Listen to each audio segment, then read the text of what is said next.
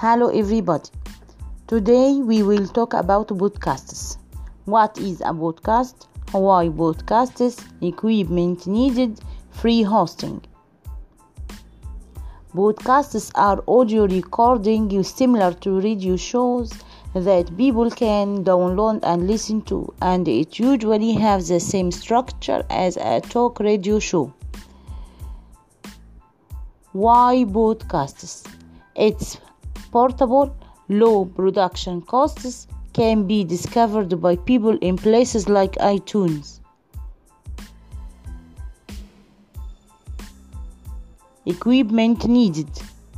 Computer and microphone or digital voice recording, quiet recording location, high quality microphone, microphone stands, professional audio editing software,